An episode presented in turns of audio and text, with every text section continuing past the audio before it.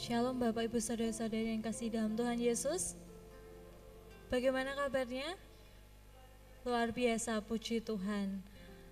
Saya menyambut kehadiran Bapak Ibu Saudara-saudari yang mengikuti ibadah sore hari ini, baik Bapak Ibu Saudara-saudari yang berada dalam gedung gereja maupun Bapak Ibu Saudara-saudari yang mengikuti ibadah live streaming YouTube Gereja Baptis Indonesia Candi.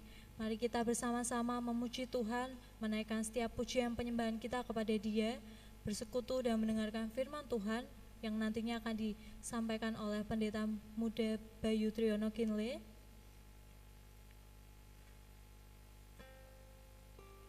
Saya juga menyambut kehadiran ada satu orang tamu di tengah-tengah kita, yaitu Bapak Ibnu Rajasa asal gereja GBI Miracle Service. Saya undang untuk Bapak Ibnu dapat berdiri. Selamat datang dan selamat bergabung dan selamat beribadah bersama dengan kami di gereja. Terima kasih, silakan duduk kembali. Saya akan membacakan beberapa pengumuman gereja. Bapak Ibu Saudara-saudari dapat memperhatikannya dalam lembar buletin yang telah dibagikan. Silakan diperhatikan bagi para petugas minggu depan. Persekutuan BBI Gabungan Komsel Dewasa Wanita diadakan pada hari Selasa 25 Oktober 2022 pukul 16.30 di gereja segenap kaum wanita diundang hadir. Kegiatan donor darah akan diadakan pada hari Sabtu 17 Desember 2022 pukul 2 siang di Gereja Baptis Indonesia Candi. Bagi jemaat yang ingin berkontribusi dapat mendaftarkan diri kepada Ibu Murtina atau Ibu Maria atau melalui link yang nantinya akan dibagikan. Keranjang sosial Natal telah dibuka sampai 18 Desember tahun 2022. Mari Bapak Ibu Saudara-saudari yang tergerak hatinya untuk memberikan uh, berupa barang melalui persembahan uh, keranjang Natal dapat memberikannya. Gereja Baptis Indonesia Candi mengucapkan selamat ulang tahun kepada 23 Oktober Ibu Nurul Maidawati dan Ibu Indah Amalatin, 24 Oktober Saudara Johannes Ray Octavian, Saudari Laurencia Foni Anggi Bahana 27 Oktober Saudara Hosea Mardani Saudari Tesalonika Oktavi dan Saudara Miguel Ronan Kasano serta 29 Oktober ada Ibu Sri Wening Herdini dan adik Natania Kristabel Yulianto. Selamat berulang tahun kepada saudara-saudara kita yang berulang tahun dalam sepakan ini. Karena Tuhan Yesus memberkati, Tuhan Yesus menambahkan sukacita dan umur yang panjang. Amin. Mari Bapak Ibu Saudara-saudari kita hampiri tahtanya, kita mau memuji, menyembah dia. Saya memberikan kesempatan waktu sejenak untuk Bapak Ibu Saudara-saudari dapat bersaat teduh, mengambil waktu sejenak untuk berkomunikasi dengan Tuhan Yesus, mengucap syukur atas kebaikan Tuhan.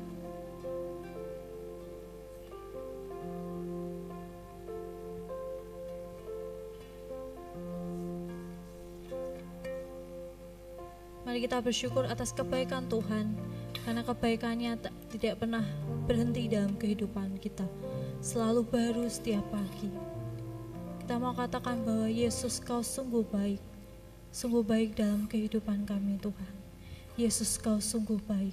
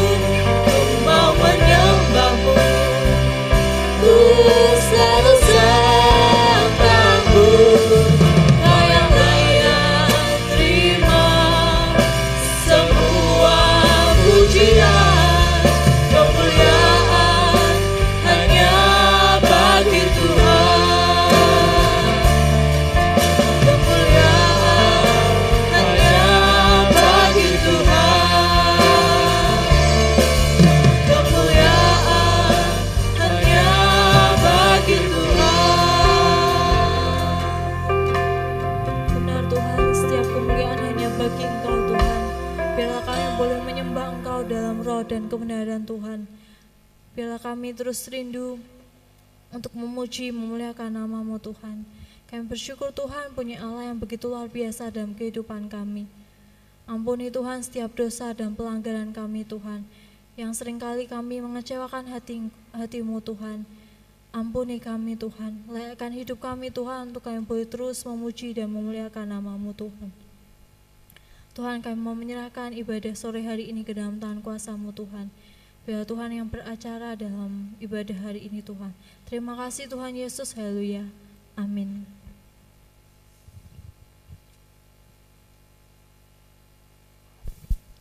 Mari kita bersuka cita, kita mau memuji dan memuliakan nama Tuhan. Saya undang jemaat untuk bangkit berdiri, kita mau pujikan api kemuliaannya.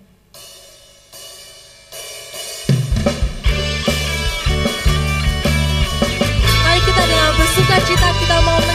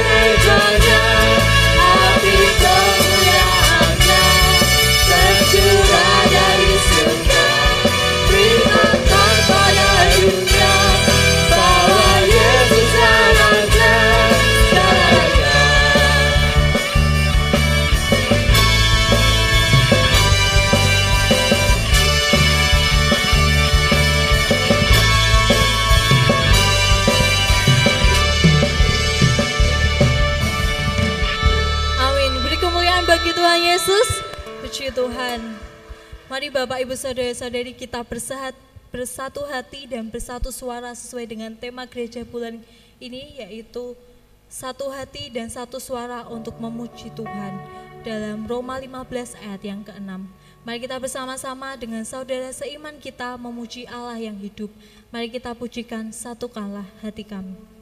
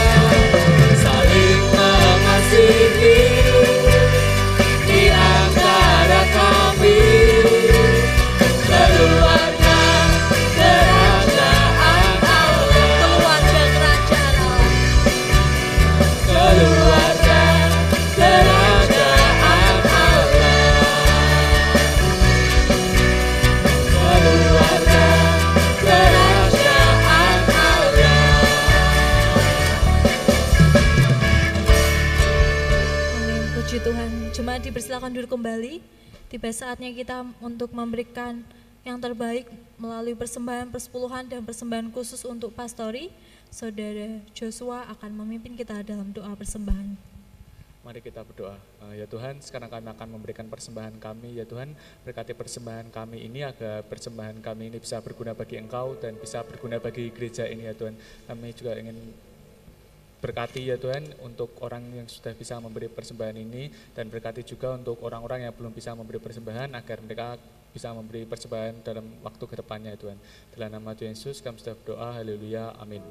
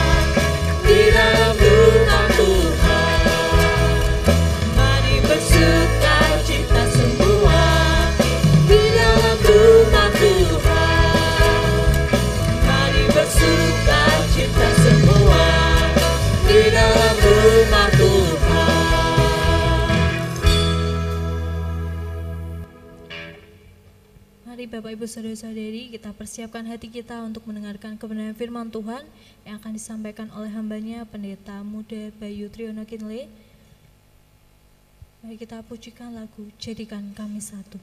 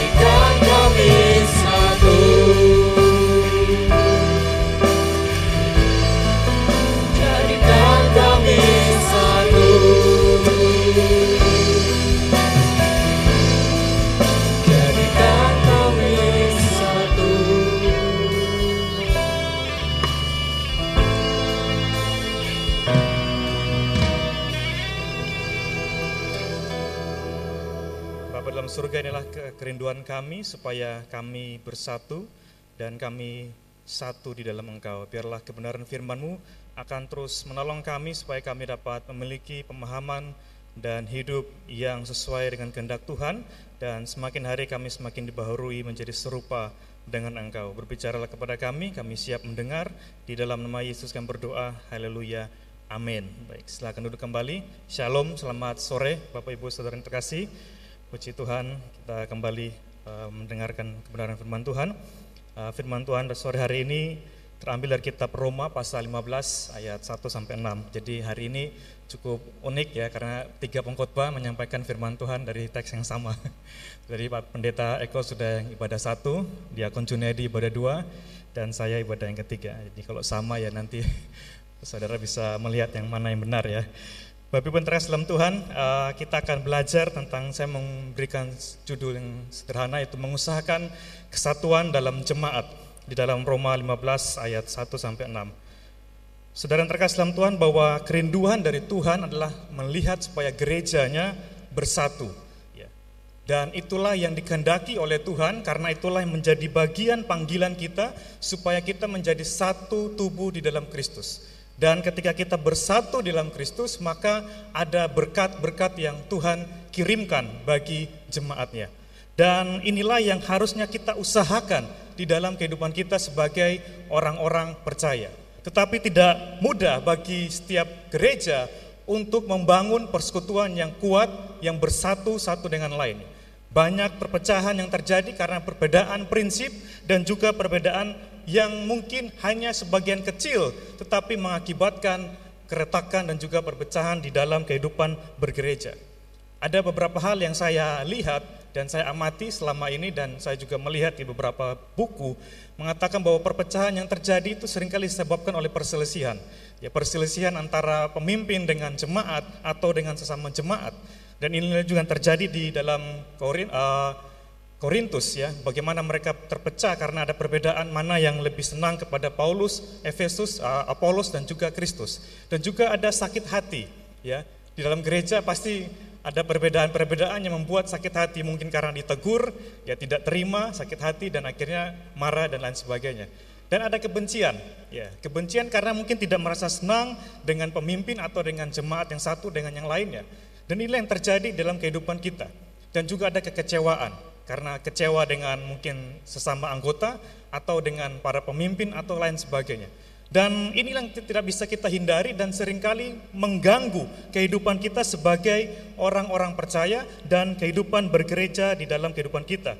Maka dari itu Paulus di dalam suratnya kepada jemaat di Roma, jemaat Roma adalah jemaat yang multi etnis dan terdiri dari berbagai macam kebudayaan. Ada orang-orang Yahudi yang masih memegang ketat aturan-aturan Taurat, ada juga orang-orang Kristen yang baru percaya dan mereka harus diperhadapkan dengan berbagai macam pilihan dan juga keyakinan yang sering kali membuat mereka merasa bingung. Sehingga Paulus dalam suratnya memberikan penekanan supaya jemaat di Roma mereka dapat membangun suatu kesatuan di dalam kehidupan berjemaat walaupun mereka berbeda-beda satu dengan lainnya. Bagian yang pertama yang ingin saya bagikan kepada saudara adalah bagaimana kita dapat uh, membangun kehidupan yang bersatu dalam Kristus adalah hidup saling peduli satu dengan yang lainnya. Paulus mengatakan di dalam bagian ayat yang pertama, jika Bapak Ibu membawa Alkitab silakan buka dalam kitab Roma 15 ayat 1, kita yang kuat wajib menanggung kelemahan orang yang tidak kuat dan jangan kita mencari kesenangan kita sendiri. Bapak Ibu yang terkasih dalam Tuhan bahwa Paulus memberikan satu gambaran di dalam jemaat yang ada di Roma bahwa ada orang-orang kuat yang secara rohani mereka sudah memiliki pemahaman yang lebih daripada orang-orang yang baru percaya. Orang-orang mungkin Yahudi mereka memiliki pemahaman yang luas tentang Alkitab karena mereka dibangun dari pemahaman di mana mereka sudah mengalami dan juga memahami Taurat Tuhan. Tetapi ada juga orang Kristen yang baru percaya, mereka bukan dari Yahudi, dan mereka masih baru di dalam kehidupan sebagai orang-orang yang percaya kepada Kristus. Oleh karena itu Paulus menegaskan supaya kita yang memiliki pemahaman yang kuat di dalam Kristus, supaya kita tidak hanya mencari kesenangan kita sendiri, tetapi juga memperhatikan orang-orang yang masih berada di dalam kehidupan mereka yang jauh dari iman yang kuat di dalam Kristus. Bapak Ibu terkasih dalam Tuhan, kehidupan kepedulian itu sangat penting dalam kehidupan kita sebagai orang percaya. Ya, apalagi kita hidup di dalam zaman yang uh, modern ini, ya, kita mungkin uh, cukup mengatakan saya cukup punya HP ya. Karena dengan HP mungkin kita bisa melakukan semua aktivitas kita. Ya, kita bisa ke mana saja dengan HP, bahkan mungkin kita bisa duduk sendiri, tertawa ya. hanya dengan HP. Ya, HP ada istilah mengatakan menjauhkan yang uh, dekat dan mendekatkan yang jauh ya. Nah Bapak Ibu terkasih dalam Tuhan bagaimana dalam kehidupan kita juga sebagai orang yang hidup di dalam era yang modern ini supaya kita dapat membangun kepedulian satu dengan lainnya. Karena kita mungkin tidak hanya hidup untuk diri kita sendiri, tetapi bagaimana kita juga dapat melihat orang-orang yang ada di sekitar kita yang bagi mereka belum memahami begitu dalam tentang iman keyakinan mereka. Supaya kita tidak hanya berfokus kepada bagaimana kita dipuaskan dalam kehidupan kita atau mungkin kita datang ibadah supaya kita hanya menerima apa yang menjadi kepuasan kita tetapi kita mengabaikan orang-orang yang mungkin belum memahami dengan betul akan kebenaran firman Tuhan dan bagiannya ini saya mengatakan bahwa kita harus memperhatikan orang-orang yang lemah dikatakan di dalam ayat yang kedua di dalam katakan bahwa setiap orang di antara kita harus mencari kesenangan sesama kita demi kebaikannya untuk membangunnya. Bapak Ibu terkasih dalam Tuhan bahwa Paulus menasihatkan kita supaya kita mencari kesenangan sesama kita untuk membangunnya. Kita bagaimana mencari kesenangan ya? Karena kita sendiri juga punya kepentingan-kepentingan. Tetapi bagaimana di dalam kehidupan kita sebagai orang percaya supaya kita juga tidak hanya mencari kesenangan kita sendiri, tetapi juga mencari atau melihat adanya kesenangan-kesenangan yang dimiliki oleh orang lain supaya mereka dibangun di dalam Kristus. Jadi kesenangan di sini tidak berbicara bagaimana uh, kesenangan yang uh, berkompromi dengan dosa, tetapi Paulus mengatakan supaya mereka dibangun di dalam iman yang lebih kuat. Ya. Saudara dan saya dipanggil supaya kita juga dapat memberikan kontribusi kepada orang lain. Ya, Paulus mengatakan demikian supaya orang-orang juga dapat dibangun di dalam kehidupan mereka. Ya, Paulus mengatakan di dalam 1 Korintus 10 ayat 3, 33 dikatakan bahwa sama seperti aku juga berusaha menyenangkan hati semua orang dalam segala hal bukan untuk kepentingan diriku tetapi untuk kepentingan orang banyak supaya mereka beroleh selamat.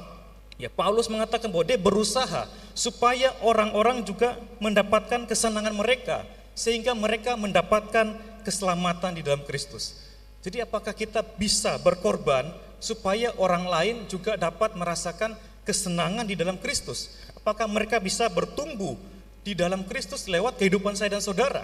bahwa kita tidak hanya memuaskan keinginan kita sendiri, tetapi seperti yang dikatakan firman Tuhan, supaya mereka juga dapat beroleh keselamatan, pertumbuhan di dalam Kristus. Jadi ini menjadi pertanyaan bagi saya dan saudara, apakah kita siap ya seperti Paulus mau berkorban untuk orang lain supaya mereka dapat menikmati kebaikan di dalam Kristus. Bapak Ibu yang Tuhan bahwa ini penting karena seperti yang dikatakan oleh Paulus dalam ayat 3, kita dapat melihat teladan Kristus. Dikatakan bahwa karena Kristus juga tidak mencari kesenangannya sendiri, tetapi seperti ada tertulis bahwa kata-kata cercaan mereka yang mencerca engkau telah mengenai aku. Ya, Paulus memberikan gambaran bahwa seperti Kristus, bahwa dia datang ke dalam dunia, dia tidak mencari kesenangannya sendiri. Ya, Kristus bisa mencari kesenangannya sendiri. Dia Allah, dia berkuasa, dia berdaulat, ya, dia pencipta alam semesta, tetapi dikatakan bahwa dia membatasi kesenangannya supaya orang-orang dapat diselamatkan lewat apa yang dia lakukan di atas kayu salib. Dia rela untuk menderita, bahkan dia rela mati di atas salib dan dikatakan dalam Filipi 2 ayat 6 sampai 8, dia setara dengan Allah tetapi dia meninggalkan itu semua supaya orang-orang dapat dimenangkan di dalam kehidupan Kristus. Dan inilah yang harus menjadi gaya hidup saya dan saudara supaya kita dapat memberi orang lain suatu kesenangan di dalam Kristus. Bahkan kita siap untuk berkorban untuk mereka.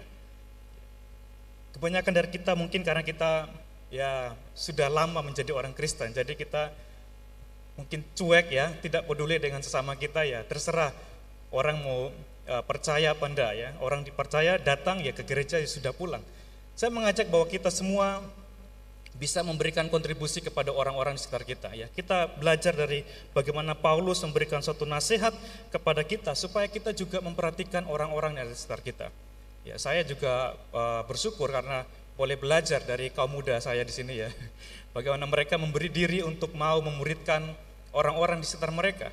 Dan saya dan saudara walaupun kita berbeda-beda tetapi mari kita juga berani untuk siap berkorban, memberi diri kita untuk menjadi alat Tuhan dan dipakai Tuhan seperti yang dikatakan Paulus supaya kita juga dapat mencari kesenangan orang lain demi kebaikan untuk membangun dia. Apakah kita siap untuk membangun orang-orang yang ada di sekitar kita? Apakah kita peduli kepada mereka ketika mereka tidak memiliki keyakinan yang kuat? Apakah kita peduli kepada mereka ketika mereka tidak rajin atau mereka tidak mau lagi ke gereja? Apakah kita cuek karena kita sudah merasa bahwa oh saya yang penting saya sudah mendengar firman Tuhan, saya sudah ke gereja, saya sudah melakukan kewajiban saya, saya tidak peduli dengan orang yang sekitar saya. Bapak Ibu yang terkasih dalam Tuhan, mari kita mengembangkan sikap peduli seperti yang dikatakan oleh Paulus, supaya kita juga melihat teladan dari Kristus bahwa dia bisa membatasi apa yang menjadi kesenangannya, supaya orang lain dimenangkan di dalam kehidupannya. Bapak Ibu terkasih dalam Tuhan, mari kita melihat bagian yang kedua dikatakan sini bahwa kita harus hidup di dalam mengusahakan hidup dalam kerukunan. Di dalam ayat 5 dikatakan bahwa semoga Allah yang adalah sumber ketekunan dan penghiburan mengaruniakan kerukunan kepada kamu sesuai dengan kehendak Kristus. Paulus mengatakan bahwa Allah adalah sumber dari kerukunan yang akan diberikan kepada saya dan saudara. Tetapi bagian ini penting bagi saya dan saudara supaya kita juga mengusahakan kerukunan di dalam kehidupan saya dan saudara di dalam gereja kita atau di dalam kehidupan kita setiap hari. Ya, di dalam Mazmur 103, 133 dikatakan bahwa sungguh alangkah baiknya dan indahnya apabila saudara-saudara diam bersama dengan rukun.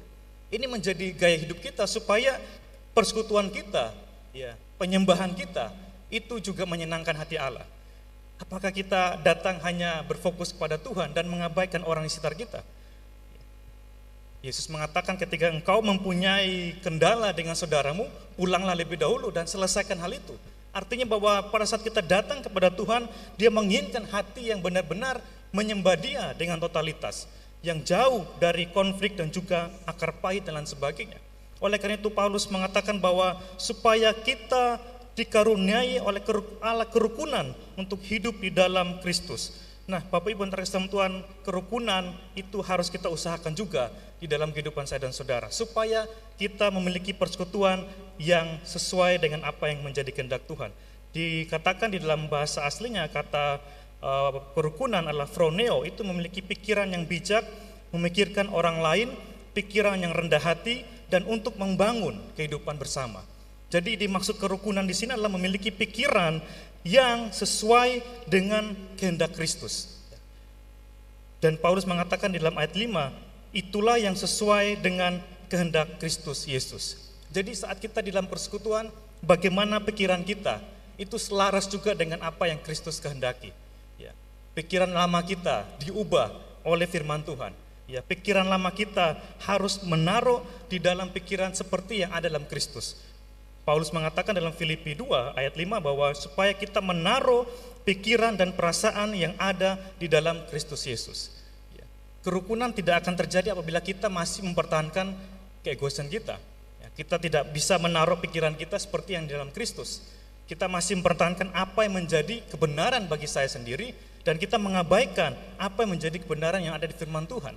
Maka dari itu Paulus mengatakan di dalam ayat ini bahwa kita harus mengusahakan juga akan kerukunan di dalam Kristus. Oleh karena itu di dalam ayat 4 dikatakan bahwa sebab segala sesuatu yang ditulis dahulu telah ditulis untuk menjadi pelajaran bagi kita supaya kita teguh berpegang pada pengharapan oleh ketekunan dan penghiburan dari kitab suci.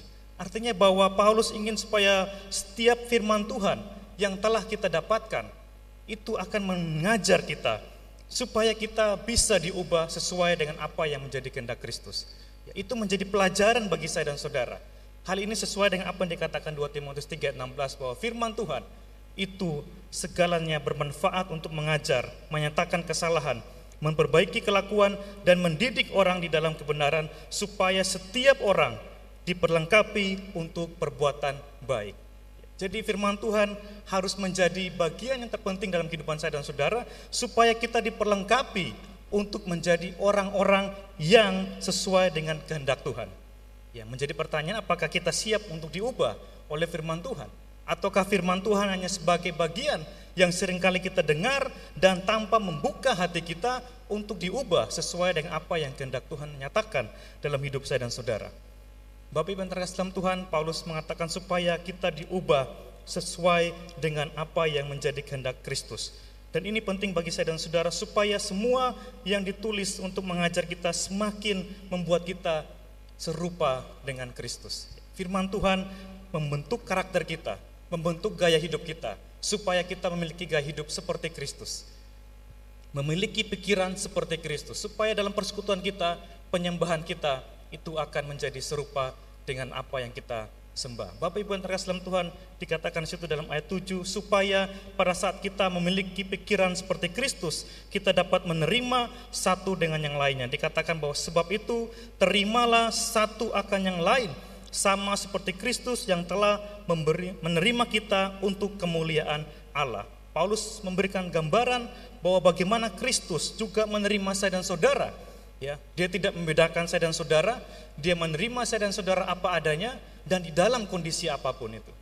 Kita yang berdosa, kita yang mungkin hina di hadapan dia, kita yang mungkin penuh dengan berbagai macam dosa, tetapi diterimanya dan menjadi kemuliaan bagi Bapa di surga. Dan inilah yang menjadi pemahaman kita supaya kita juga menerima orang lain yang ada di sekitar kita. Tidak memandang, wah ini orang berdosa, wah ini orang suci. Tidak, tetapi seperti Paulus katakan seperti Kristus, dia menerima saya dan saudara, ya, untuk kemuliaan Bapa di surga, ya. Mari kita juga menerima satu dengan yang lainnya. Kami di gereja pasti menerima saudara. Saudara datang, kami sangat senang. Tapi bagaimana saudara juga dapat menerima satu dan yang lainnya dan menganggap bahwa ini adalah persekutuan yang sangat indah dalam Tuhan. Kita bukannya hanya datang supaya kita pulang, ya, tetapi kita datang supaya kita menikmati suatu kebersamaan dan bahkan lebih daripada itu, saudara memberi hidup saudara untuk dipakai oleh Tuhan di dalam kehidupan kemuliaan nama Tuhan. Seperti yang Paulus katakan bahwa supaya kemuliaan nama Tuhan nyata di tengah-tengah saya dan saudara. Bapak Ibu yang terkasih dalam Tuhan, dengan tujuan ini maka Paulus mengatakan di dalam ayat yang ke-11 Ya dikatakan situ bahwa dan lagi pujilah Tuhan hai kamu semua bangsa-bangsa dan biarlah segala suku bangsa memuji Dia. Dan selanjutnya kata Yesaya, taruk dari pangkal Isai akan terbit dan ia akan membangkit untuk memerintah bangsa-bangsa dan kepadanya lah bangsa-bangsa akan menaruh harapan.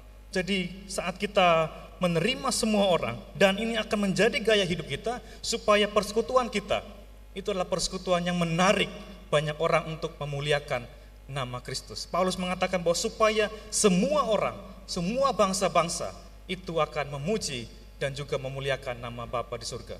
Jadi ibadah-ibadah kita itu bukannya sebuah pertunjukan, bukan merupakan sebuah rutinitas atau sebuah uh, hal-hal uh, yang kita tunjukkan, tetapi bagaimana supaya orang-orang dapat melihat dan merasakan hadirat Tuhan dan mereka dapat merasakan bagaimana mereka memuji Tuhan dan menyembah Tuhan. Dan seperti yang Paulus katakan dan Nabi Yesaya katakan, supaya semua orang dari segala suku bangsa memuji dan membesarkan nama Tuhan. Dan inilah tujuan persekutuan saya dan saudara di dalam hidup kita bersama. Ya. Orang tidak akan datang dan pulang dengan mengatakan bahwa wah persekutuan di sana dingin ya, orangnya tidak saling mengenal ya. Tetapi orang pasti harusnya pulang dengan wah persekutuannya hangat karena mereka saling mengenal satu sama lain. Mereka saling membangun satu sama lain. Dan inilah yang harus menjadi gaya hidup saya dan saudara. Walaupun mungkin kita uh, saling, tidak saling mengenal ya, karena kebanyakan ibadah sore anak orang muda dan mungkin tamu, tetapi kerinduan kita supaya banyak orang bisa hadir untuk memuji dan juga memuliakan Tuhan di dalam setiap persekutuan kita. Bapak Ibu yang terkasih dalam Tuhan, inilah gaya hidup kita sebagai orang yang menyembah Tuhan. Ya, kita rindu supaya semua orang dapat memuji dan memuliakan Tuhan dalam ibadah kita supaya mereka dapat melihat bagaimana Tuhan dimuliakan di dalam setiap langkah hidup kita. Dan marilah kita memberi diri kita ya untuk dipakai Tuhan seperti yang dikatakan oleh Paulus dan mari kita melihat bersama-sama aplikasi kita bahwa mari kita menemukan kesenangan sesama yang membangun ya. Kita semua punya kesenangan tetapi bagaimana kita juga dapat menemukan kesenangan orang lain ya supaya mereka juga dibangun di dalam Kristus ya. Apakah saudara bisa berkorban waktu saudara untuk mereka? Mari memberikan diri saudara untuk Tuhan. dan biarkanlah firman Tuhan mengubah hati menjadi lebih ramah dan sabar. Ya, saya dan saudara bisa diubah hati kita lewat kebenaran firman Tuhan untuk lebih sabar, untuk lebih ramah satu dengan yang lainnya. Ya, terkadang kita mungkin ingin uh, apa yang menjadi keinginan kita diterima, tetapi barilah seperti yang Paulus katakan bahwa supaya kita dapat lebih sabar satu dengan yang lainnya dengan menerima kelemahan-kelemahan orang lain yang mungkin bagi kita sulit untuk kita uh, pahami secara manusia, tetapi bagaimana kita juga dapat membawa mereka terlebih dahulu untuk menikmati persekutuan di dalam Tuhan. Dan yang ketiga, mari kita menerima satu dengan lainnya tanpa melihat perbedaan. Ya, seperti yang dikatakan oleh firman Tuhan, Kristus menerima saya dan saudara apa adanya supaya untuk kemuliaan nama Tuhan. Dan inilah menjadi gaya hidup kita supaya kita membawa orang-orang ya datang dan menyembah Tuhan dan mereka dapat diterima di dalam setiap persekutuan yang ada dalam kehidupan kita. Biarlah firman Tuhan ini akan terus mendorong kita untuk memiliki gaya hidup yang peduli dan juga membangun kerukunan di dalam kehidupan kita hari lepas hari. Tuhan memberkati kita semua. Mari kita berdoa. Bapak dalam surga kami bersyukur atas firman Tuhan yang boleh kami dengarkan di malam hari ini. Biarlah teladan firman Tuhan, teladan dari Tuhan kami Yesus Kristus akan terus membawa kita, membawa kami untuk dapat lebih menyembah Tuhan, untuk lebih mengenal Engkau sebagai Tuhan dan Juru Selamat kami. Dan kami rindu supaya semua orang dapat menyembah Tuhan lewat hidup kami, karena Engkau memakai hidup kami untuk kemuliaan nama Tuhan. Terima kasih Bapak, biarlah firman Tuhan termateraikan dalam hati dan pikiran kami, dan kami menyerahkan untuk kemuliaan nama Tuhan. Di dalam nama Yesus kami berdoa, haleluya, amin.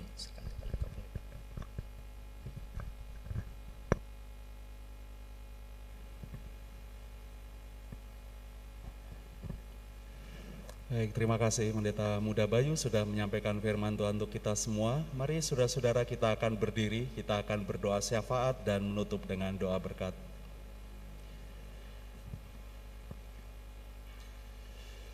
Terpujilah Engkau Bapa yang baik, yang mengasihi kami. Sungguh kami bersyukur kepadamu Tuhan karena Engkau selalu memberikan, menyatakan, segala perbuatan-perbuatanmu yang ajaib, yang penuh kasih dalam kehidupan kami.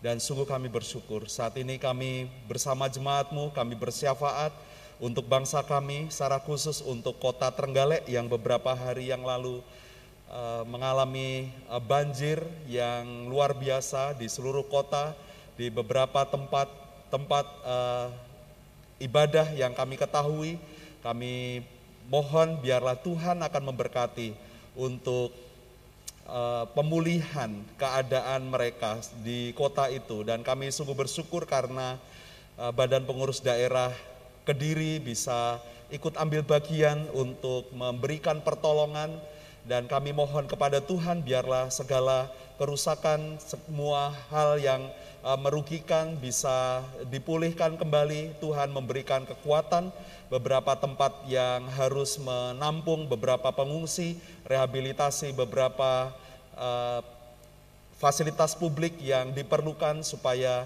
semua dapat terfasilitasi dengan baik. Kami mohon supaya semua komponen uh, pemerintah daerah dan kami semua bisa ikut ambil bagian dan sungguh kami bersyukur karena campur tangan Tuhan bagi uh, pertolongan bagi pemulihan kota itu dari banjir. Dan beberapa tempat yang kami juga tahu dengan uh, tanah longsor yang memakan korban juga beberapa tempat di uh, daerah uh, Solo. Dan biarlah juga Tuhan akan memberikan penghiburan, kekuatan dan biar semua evakuasi dapat dilakukan dengan baik dan karena Tuhan mengasihi dan memberkati.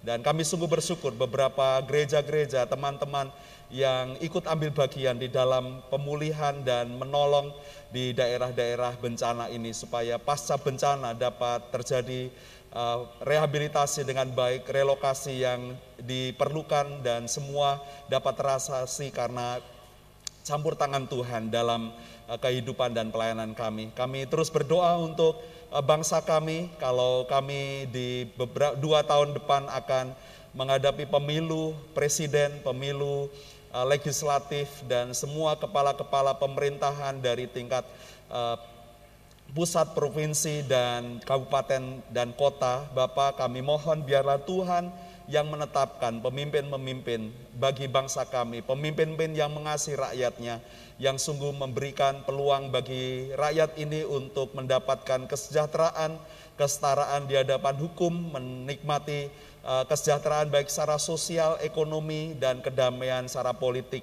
Dan kami mohon biarlah Tuhan akan menolong semua aparat yang terkait dengan Uh, proses pemilu ini dapat mulai berjalan dan dilakukan dengan baik. Semua partai-partai peserta pemilu juga dapat me, diberikan hikmat oleh Tuhan untuk memilih dan menetapkan wakil-wakil rakyat, uh, calon-calon wakil-wakil rakyat dan pemimpin-pemimpin yang sungguh berdedikasi, punya integritas di dalam kehidupannya sehingga dapat me, bantu berkontribusi bagi pembangunan bangsa kami. Terima kasih Tuhan, kami juga rindu berdoa untuk perdamaian Ukraina dan Rusia yang sementara di bulan depan eh, negara kami menjadi tuan rumah KTT G20, negara-negara maju yang berpengaruh untuk perekonomian, politik, dan sosial secara uh, global. Kami mohon biarlah perdamaian Ukraina dan Rusia dapat terjadi. Tuhan melembutkan hati setiap pemimpin-pemimpin di sana dan juga pemimpin-pemimpin uh, G20 sehingga dapat bersehati. Dan kami mohon Bapak, inilah kerinduan kami supaya uh, secara global krisis pangan yang sedang berlangsung, krisis ekonomi yang ada, krisis moneter, krisis energi di belahan benua Eropa, di Asia dan kami mohon biarlah itu semua diberkati oleh Tuhan, dipulihkan oleh Tuhan sehingga ada kesamaan visi bagi pemimpin-pemimpin untuk bekerja sama dengan baik di dalam mengatasi kesulitan-kesulitan global ini. Terima kasih Tuhan, berkatilah pelayanan di gereja kami melalui compassion kami ada PPA, ada 168 anak yang kami layani dan Tuhan akan memberkati supaya mereka semua mendapatkan berkat Tuhan dan keluarganya juga uh, biarlah kerajaanmu berita keselamatan sampai kepada mereka. Mereka menjadi anak-anak Tuhan yang berhasil dalam kehidupannya. Juga melalui sekolah kami, biarlah melalui pelayanan sekolah kami, kami berkontribusi bagi kecerdasan mencerdaskan generasi bangsa kami juga ikut ambil bagian di dalamnya dan berkatilah komponen uh, sekolah kami supaya dari PAUD, TK dan SD dapat dipakai oleh Tuhan dengan luar biasa. Juga di gereja kami melalui pelayanan misi dan diakonia Tuhan sertailah berkati kami sehingga kami melayani dengan kuasa yang daripada Tuhan rohmu yang kudus mengurapi dan memberkati sehingga pelayanan-pelayanan kami diberkati oleh Tuhan dan menjadi pelayanan-pelayanan yang berhasil karena Tuhan. Terima kasih Bapak, terima kasih. Inilah doa dan permohonan kami. Di dalam nama Tuhan Yesus Kristus kami berdoa. Jemaat Tuhan pulanglah, bawalah berkat dan kasih sayang dari Bapa di dalam Tuhan Yesus Kristus dan Roh Kudus dia yang penuh kasih memberkatimu, menunjukkan jalan-jalan kepadamu sehingga engkau diberkati, diberkati dengan kasih dan sukacita. Kebajikan dan kemurahan Tuhan akan mengikutimu ke mana pun kau pergi. Kau akan diberkati dengan kesehatan, perlindungan dari segala macam penyakit dan bahaya. Dia akan memberkatimu dengan anak-anak dan keturunanmu akan menjadi berkat bagi bangsa-bangsa. Dia akan memeliharakan kehidupanmu secara total, melimpahkan rezeki dengan murah hati. Dan setiap tangan-tanganmu yang bekerja diberikan keterampilan, keberhasilan, dan keberuntungan. Dan saksikanlah pada orang lain apa yang sudah Bapamu perbuat dalam kehidupanmu sehingga orang melihat perbuatan Bapamu yang baik dan mereka juga menyembah Bapamu yang di sorga. Terima kasih Tuhan Yesus inilah ibadah kami, korban syukur dan puji-pujian kami naikkan untuk Engkau saja, Yesus Kristus, Kepala Gereja kami, dari sekarang sampai selama-lamanya. Haleluya. Amin.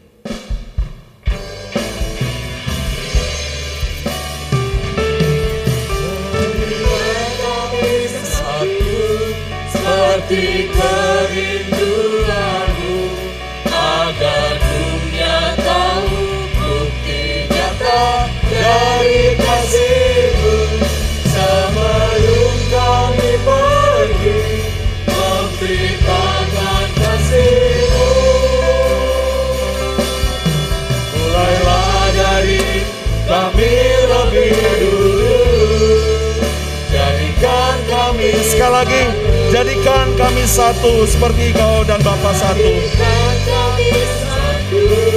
Seperti kerinduanmu agar dunia tahu bukti nyata dari kasihmu sebelum kami pergi memberitakan kasihmu mulailah dari kami lebih dulu jadikan kami Satu, jadikan kami satu. jadikan kami Satu sekali lagi, jadikan kami satu. jadikan kami satu. Silakan ambil satu dulu saudara-saudara selamat malam, satu hati dan satu suara untuk memuji Tuhan. Tuhan Yesus memberkati.